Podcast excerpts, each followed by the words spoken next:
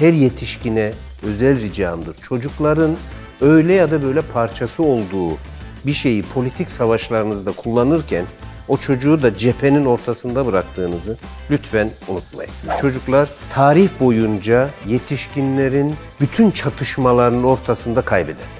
Normal hayatlarında hakikaten beş para edecek işleri olmayan ama böyle köpürtmelerde bir tarafta gözükerek kendine prim sağlamaya çalışan insanlar ve maalesef bugün işte zihnimizi bunlar şekillendiriyor. Bunlara haberci diyoruz, bunlara siyasetçi diyoruz, bunlara kanaat önderi bile diyebiliyoruz bazen. Korkunç bir durumdayız. Sosyal medya kamplaşma tarafında güçlü olanların mecrası ya. Kahrolsuncularla yaşasıncıların mecrası. Şimdi kahrolsun ya da yaşasın demiyorsan zaten seni kimse dinlemiyor. Burada olay bizi şuna götürmeye başlıyor. Politik doğruculuğumuz, bizim çocukları yetiştirme biçimimiz ve onların maruz kaldığı içerikle ilgili de gözümüzü kör etmeye başlıyor. Ali'cim gene ülke gündemi durmuyor maşallah. Açık oturum gibi oldu bu arada. Ya ülke gündemi tartışmak dert değil de benim de biliyorsun ara ara başımı derde sokan bir konu var. Kısmen de böyle belli bir periyotta, bir ritmi olduğunu düşünüyorum. Zırt böyle gündeme çıkıyor ya da çıkarılıyor. Sayende öğrendim, haberim yoktu. Gökkuşağı önünde fotoğraf çekildiği için görevinden alınan, sonra işte imza toplanan falan bir takım vakalar var. Yani bunlarda benim görebildiğim iki tane fotoğraf var. Bir tanesinde bir mezuniyet töreni ya da tatil töreni gibi bir şeyde. Hakikaten balonlarla böyle gökkuşağı yapmışlar. Oradan bir arıza çıkmış. Bir de hakikaten arka planda LGBTİ bayrağının olduğu bir başka fotoğraf hikayesi daha var. Öyle bir olduk yani basındaki haline bakarsan Allah'ın gökkuşağı şu anda bir problem. Bir siyasi simge ya da bir ahlaki simge haline gelmiş durumda. Benim bu konuyla ilgili şöyle bir meselem var. Yani cinsel yönelimler şunlar bunlar çocukluk çağında bu ara çok fazla dillendirilen bir problem ve hiç sağlıklı bir noktada değil. Ee, çocukların o yaşlardaki birçok nedenden kaynaklı kafa karışıklıkları bir de böyle temel bir cinsellik meselesiyle birleştirip çocuklara sunulduğu anda ortalık çok karışıyor. Şu anda bütün dünyada saçma sapan yaşlarda saçma sapan müdahalelerle cinsiyet değiştirme, ergenlik durdurma falan gibi müdahaleler yapıyorlar. İşte bu cinsel disfori denen bir teşhisle çocukların hepsinin cinsiyetleriyle oynanıyor. Büyük yalanlar dönüyor. İlaç firmalarının falan burada tabii ettiği karın da bunda çok etkisi var. Geri dönüşlü etkiler falan deniyor. Hiç öyle bir şey yok. Çocukların hayatını berbat ediyorlar. Velhasıl kelam bütün dünyada bu konuda ciddi bir hem de endüstriye dayalı bir propaganda da var. Okullarda da bu yavaş yavaş işte böyle durumlarla çıkmaya başladı. Ben bunu açıkçası çok ciddi bir tehlike olarak görüyorum. Çünkü o yaşlardaki çocuklarda böyle bir konfüzyon yarattığın zaman kafa karışıklığı 50 yaşında, 70 yaşında bile bunun etkilerini hani ömrü olursa görüyoruz ve bu toplum sağlığına çok ciddi tehdit eden bir şey. Bu durumlar nedir abi? Sen nasıl bakıyorsun? Ve özellikle bir de tabii burada bir aşırı duyarlılık hali var yani. Ulan renkli balonun önünde fotoğraf çektirince falan.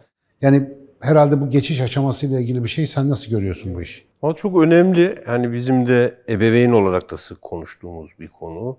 Okullar bu konuda nasıl pozisyon almalı? Çok sık konuştuğumuz. Bir ikiye ayırarak belki konuşmakta fayda var. Bir, ya bir fotoğraf vermek, yani bir sınıfın içerisinde, sınıf bir kere hareketli bir yerdir. İçerisinde çocuklar var, gökkuşağı da çocukların çok sevdiği e, unsur. Hani ben var de defaatle çizmişliğim var yani. Yani defa böyle. hepimizin çizdiği böyle. Şu anda bilemiyorum yani söylesem ama çok gökkuşağı çizdim. Yani, yani şimdi bunu söylemeye korktuğumuz bir hal. Bir kere bu politik tartışma kısmını ayıralım. Ben yani çok sevdiğim bir alan da değil politik tartışma ama şunu bir bir linç kültürünün bir parçası haline getirilmesi kısmından ciddi rahatsızım. Çünkü alıcısı da kolay bunu. Aa, gördün mü o bayrak kimi simgeliyor biliyor musun bilmiyor musun diye tartışılarak ki her iki olayla ilgili de detaylı bilgiye sahip değilim. Yani şu bir kere yargıç olma ve aa bu suçlu değildi tartışmalarına girmeyi de doğru bulmam. O yüzden orayı ayırıyorum ama orada bir linç kültürünün parçasına dönüşmesi kısmı. Abi bu arada Twitter'dan baktım işte. Yani bir gazeteci özellikle bu fotoğrafı alıyor. Doğrudan böyle bir ahlaksızlık olur mu burası okul falan diye paylaşıyor. Yani fotoğrafı özellikle bakıyorum bir ahlaksızlık görmek için. Yani hepimizin tatil öncesi sınıfında yapmış olduğuna benzer bir işte renkler renkler önde bir fotoğraf. Fakat sonra sorun şu.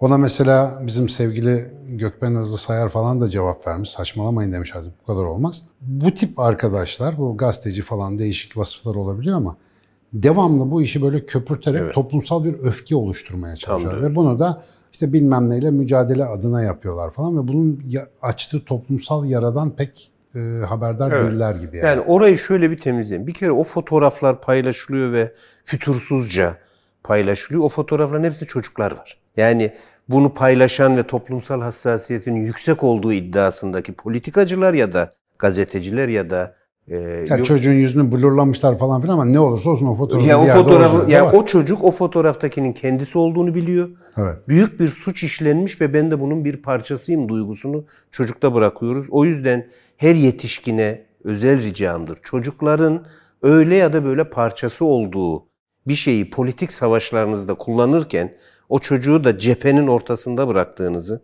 lütfen unutmayın. Bu her taraf için geçerli.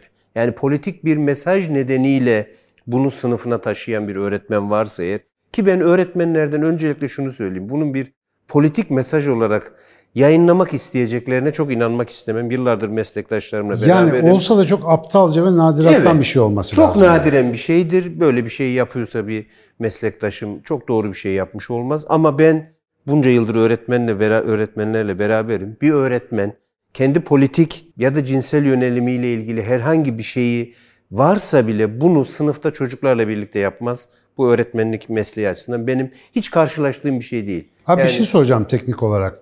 Mesela benim haberlerden anladığım kadarıyla sosyal medya tabanlı özellikle oluşan bu tepkilerden dolayı bu öğretmen açığa alınıyor Evet. mesela.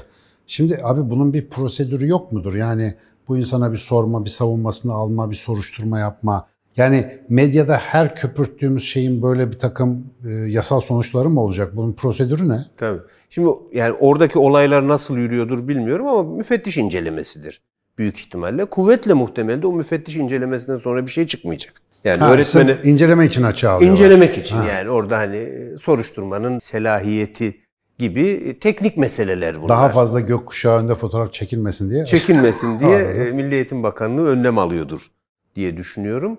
E, O yüzden orası başka bir boyut, hukuki bir boyut. Hukuki olarak suç olan hiçbir şeyi bizler eğitimci olarak savunacak halimiz Elbette, yok. tabii ki. Yani yargılama mekanizmaları belli. Hukuki olarak suç olarak tanımlanan şeyler belli. Ama Twitter mahkemesinde e, insanları bunu bu arada her politik görüş için yapılıyor. Hep maalesef. Yani Ve abi şimdi bak konuşurken tona bakıyorum şey ikimiz arasındaki tona ve bunun dinleyici zihninde neler yaratabileceğini de düşünüyorum tabii çünkü hassas bir konu. Ama şimdi bak şöyle bir dilemma içerisine soktu bu arkadaşlar bizi. Gökkuşağını savunmak ya da işte bunun belki masum bir şey olabileceğini ima etmek Tabii, bile tabii. sanki böyle bir propagandaya yandaş olmak o kadar bir kutuplara savuruyorlar Tabii. ki insanları. Ve şunu da söylemek istiyorum insan psikolojisi açısından bir kere böyle kutuplaştırdınız mı en büyük kötülüğü o arada kalan çocuklara yapıyorsunuz. Çünkü iki kutuptan birine savuruyorsunuz onları. savuruyoruz. Ama bunu tabii anlat anlat. Bunu anlatma şansımız yok. O cendereden de çıkamayız. Ben elimden geldiğince bugünkü sohbete çıkarabilirsek çocuklarımızı bu cendereden Aynen öyle. çıkarıp onları bir güvenli limanda tutalım. Çünkü çocuklar tarih boyunca yetişkinlerin bütün çatışmalarının ortasında kaybederler. Yine bir çatışma var. Bu çatışmanın içerisinde herkes doğrucu Davutluğunun içerisinde bir şey yapıyor. Kendi taraftarının hoşuna gidebilecek her tür malzemeyi sahaya sunmaktan da hiç kimse imtina etmiyor. Ama çocuklarımızla ilgili bu alanda ne oluyor? Korkunç bir şeyle mi karşı karşıyayız? Biz belki bugün bunu biraz Abi e, şimdi sohbetini yaparak ilerleyelim. benim mesela çocukların küçük olduğu dönemlerde de böyle muhabbetler oluyordu. Geçiyor. Zaten işte propagandalar o zamanlar başladı. Ee, Yani devamlı bugün böyle bir aşırı bir cinsiyetsizleştirme politikasına dönüşen şeyin sinyallerini o zaman aldık ama şimdi mesela medyaya yansıyan böyle bir şeyin toplum sağlığına hizmet etmekten öte şu anda her bir evde muhtemelen bu konuyla ilgili ekstra bir gerginlik, bir pozisyon Tabii. alma, çocuklarda bir gerilim. Yani bunun kime faydası var ben çok anlayamıyorum. Yani mücadele ettiğin şeye bir fayda vermiyor bu süreç. Zaten yani. akıllı siyasetle ilgili şöyle bir şey vardır. Muhalefet etme biçimin muhalif olduğun şeyi güçlendiriyor mu, zayıflatıyor mu? Hah, biz bunda uzmanız işte. Biz bunda uzmanız. konusunda. Yani biz muhalif olduğumuz şeyi güçlendirme konusunda uzmanız. Ama bu o günkü politik çıkarımız için işimize yarıyor olabilir. Çünkü kamplaşma ve kutuplaştırma bundan beslenen politik hareketleri her zaman güçlendirir. Abi bir de ben hani burada çok siyaseten doğrucu olmadan bir şey söyleyeceğim. Ortalık karıştıran bu troll meşrep dediğimiz tiplerin hepsi normal hayatlarında benim bildiklerimi söyleyeyim en azından. Normal hayatlarında hakikaten beş para edecek işleri olmayan Ama böyle köpürtmelerde bir tarafta gözükerek kendine prim sağlamaya çalışan insanlar ve maalesef bugün işte zihnimizi bunlar şekillendiriyor. Bunlara haberci diyoruz, bunlara tabii, siyasetçi tabii, diyoruz, bunlara kanaat önderi bile diyebiliyoruz bazen. Korkunç bir durumdayız. O yüzden belki yani bizim gibi insanların bu işi daha halim selim konuşması belki elimizdeki tek mücadele tek, yani. Tek Yani çünkü sosyal medya kamplaşma tarafında güçlü olanların mecrası ya. Kahrolsuncularla yaşasıncıların mecrası. Şimdi kahrolsun ya da yaşasın demiyorsan zaten seni kimse dinlemiyor. O yüzden bizi de büyük ihtimalle kimse dinlemeyecek. Çünkü biz ne Duyam- kahrolsun diyeceğiz ne yaşasın diyeceğiz. Duyamayacaklar. Mesela o Twitter akışlarına bakıyorum. Birisi devamlı aynı kopya mesajı herkese cevap olarak yapıştırıyor böyle fotoğraflı şeyli falan. Yani belli ki hazır aporda bekliyor. Tabii tabii. Çünkü o orada varlık hissediyor mesela. Şimdi bu insani patolojiyle bu bir zihinsel bir sorun aslında. Haberi ve gerçekliği ayırt edemez hale geldik. Yani bugünkü sorunumuz o ve dediğin gibi yani çocuklar için durum gerçekten çok, çok. üzücü abi. Çok ve maalesef tıbbi camiada da yani bu bir hastalıktır ortadan kaldıralım. Bu gayet normaldir. Tabii. Herkes eşcinsel olsun diyen bir iki tane garip grup grup tabii, var tabii. yani. Ve bunların arasında Allah yardımcımız olsun. Allah yardımcımız olsun. Asıl hadi biz yetişkiniz bir şekilde kendimizi koruyacağız ya da o savaşın içerisinde silahlarımızı çekip biz de koşacağız. Ama çocuklarımız açısından bakmak durumundayız. Şimdi çocukların cinsel yönelimleri, o anlamda biyolojik ve duygusal dünyaları karışacak, karmaşıklık yaşayacaklar. Bunların toplumsal olarak meşru görülen, gör, görülmeyen sadece cinsiyetle ilgili değil elbette ki. Bir sürü alanla ilgili bir şey yaşayacaklar. Bunun içerisine bağımlılıkları da koyabiliriz, biyolojik ihtiyaçlarını da koyabiliriz. Niye çeteleşme faaliyetleri yükseliyor da koyabiliriz. Ama öncelikle bu karşı çıkan kahrolsunculara bir şey söyleyeyim. Siz kahrolsun dedikçe yetişkin bir şeye kahrolsun derse çocuk ona yaşasın der. Bütün refleksi bu. Yani bir yetişkin aklınızla eğer bunu dinleyen ve kahrolsuncu tarafta bir arkadaşımız varsa şunu düşünmenizi isterim. Çocuklar yetişkinlerin yapın dediği neyi yapmış bugüne kadar? Yapmayın, yapmayın dediği neyi yapmamış? Yani çok temel bir pedagojik bilginiz olsa çocuk yaşı itibariyle babasının annesinin en çok karşı çıktığı şeyi yapmaya eğilim gösterir burayı gerçekten açmamız lazım. Burası çok önemli. Mesela özellikle ergen zihninde kendi kimliğini bulmak açısından evet. şöyle bir algoritma çalışıyor. Bunlar ne yaparsa tersini yapacağım. Neyi seviyorsa ben mümkünse sevmeyeceğim. Sevsem bile çaktırmayacağım. Neyi sevmiyorsa gözlerine gözlerine, gözlerine sokacağım. Gözlerine. Sevmesem bile. Şimdi mesela ailelerde özellikle e, muhafazakar, mütedeyyin ya da geleneksel değerlere bağlı aile yapısında bu konu gerçekten dehşet verici bir konu. Yani ben çok arkadaşımı gördüm. Okumuş etmiş hatta aralarında akademisyenler var. Ulan benim çocuğum eşcinsel olsa ben ne halt yiyeceğim? Mesela bu, bu çok ciddi bir problem. Ve sen bu gerilimi aileye düşür. Anne baba bunu fısıltıyla da endişeli bir şekilde tartışıyor olsunlar. Çocuk diyecek ki biz bunu nerede deneyebiliyoruz ilk? İlk soracağı şey bu olacak. Yani burada hani korkunç bir, senin biraz önce söylediğin muhalefet ederek güçlendirme var ve bunu göremiyoruz maalesef. Tabii. Yani bir taraftan bu kahrolsuncuların tarafı işi kilitliyor bir yere getiriyor. Yaşasıncılar tarafına geliyoruz. Örneğin bazı dijital platformlar açısından ya bu iş çok abartılmıyor mu? Arkadaş yani politik doğruculuk nedeniyle her şeyin bu kadar da meşru ve en doğrusunun bu şekilde gösterilmesi de bir sıkıntı mıdır? Ben bunun da kişisel bir Çok sıkıntı büyük olduğunu sıkıntı, elbette. Yani burada da ağzımızı açamıyoruz. Şimdi kahrolsunculara bir şey söylesek, ne sen gökkuşağını savundun. Bu tarafa dönsek dijital platformlarda cinsiyet yönelimlerle ilgili tartışmaların bu kadar göze sokuluyor olmasının yaratacağı çocuklarımız açısından hiç mi bizim toplumsal normumuz yok? Bu normların hep mi dışında olacak desek ne sen zaten bunları kapatmaya çalışıyorlar bunu mu savunuyorsun? Yani, Radikalizmin harika tarafı bu. Evet harika tarafı bu. Bizim gibi arada kalmışlar şunu söyleyemiyor. Yani ben bir dijital platformda her konunun oraya bağlanıyor olması, kahramanların artık e, eşcinsel olmamasının kahramanlıklarının önünde bir engel olması gibi Hakikaten bir hale ve politik doğruculuk. Yani şimdi siyahlarla ilgili bu dünya bu kadar şey yaşadı. Onlara yapılmış büyük zulümler yaşadı. Ama bu her kahramanın artık siyah olduğu anlamına gelmeye başlıyor. Şimdi cinsel yönelimi dolayısıyla sıkıntı çekmiş elbette ki binlerce insan var. Onların insani olarak hakları ve talepleriyle ilgili saygı gösterilmesi bence tartışma dışı bir alan. Bu saygıyı zaten göstereceğiz. Ama artık Yani şöyle espriler oluyor ya Ukrayna savaşını kazanan siyah ve eşcinsel kahraman da olmasın artık Ukraynalılar siyah değil. Yani benzerini Yahudi toplumunun yaşadığı zulümlerde de yaşadık. Burada olay bizi şuna götürmeye başlıyor. Politik doğruculuğumuz, bizim çocukları yetiştirme biçimimiz ve onların maruz kaldığı içerikle ilgili de gözümüzü kör etmeye başlıyor. Yani onların gündemi değilken, onlar kendi çocuklukları içerisinde bir şey yaşamaya çalışıyorken biz politik doğruculuğumuzla yani ben vegansam çocuğum da vegan beslenecek gibi hallere gelmeye başlıyor. Bugün karikatürize diye gördüğümüz şey yavaş yavaş hayatımızın bir parçası olmaya doğru ne yazık ki gitmeye başlıyor. Kafa karışıklığı abi. Buradaki en büyük sorun yani hiçbir şey yapmana gerek yok. Kafayı buralarda karıştır. Zaten çözülme kendiliğinden geliyor yani. Zaten bu arada amaç ben sana çok net söyleyeyim. Toplumsal çözülme ve destabilizasyon. Yani burayı biraz salladın mı bir sürü yeni pazar ve satış imkanı evet. açılıyor. Ana konu bu zaten.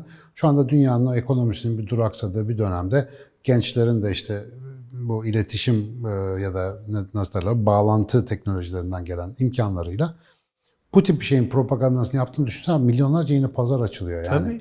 Ben bunu acayip. örneğin sigarada, içkide, uyuşturucu madde kullanımında da görüyorum. Şimdi insanların bu tür özgürlükleri var. Başka bir politik tartışmanın konusu. Çocuklarımızın çok küçük yaşta bu maddelerle tanışmasına problem olarak bakmamak başka bir şey. Şimdi 15 yaşındayken, 12 yaşındayken içkiyle tanışan bir çocuk. Şimdi bunun tanıştırılması, engel olunması, kardeşim bu da özgürlük diye tartışamayız.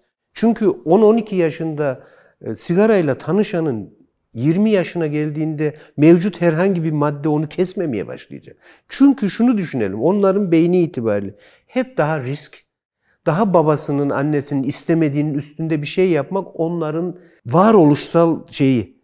Ellerindeki malzeme bu yani. Bir de yaşıtları tarafından moda olarak destekleniyor ve alkışlanıyorsa. Alkışlanıyorsa. Yani şimdi bir çocuğun yetişmesinde böyle bir alan var. Şimdi biz bunları kendi kişisel özgürlük alanlarımızı savunuyor diye onların dünyasına indirmeye kalkarsak onların gelecekte bizim yaşadığımız hiçbir şey onları kesmemeye başlayacak.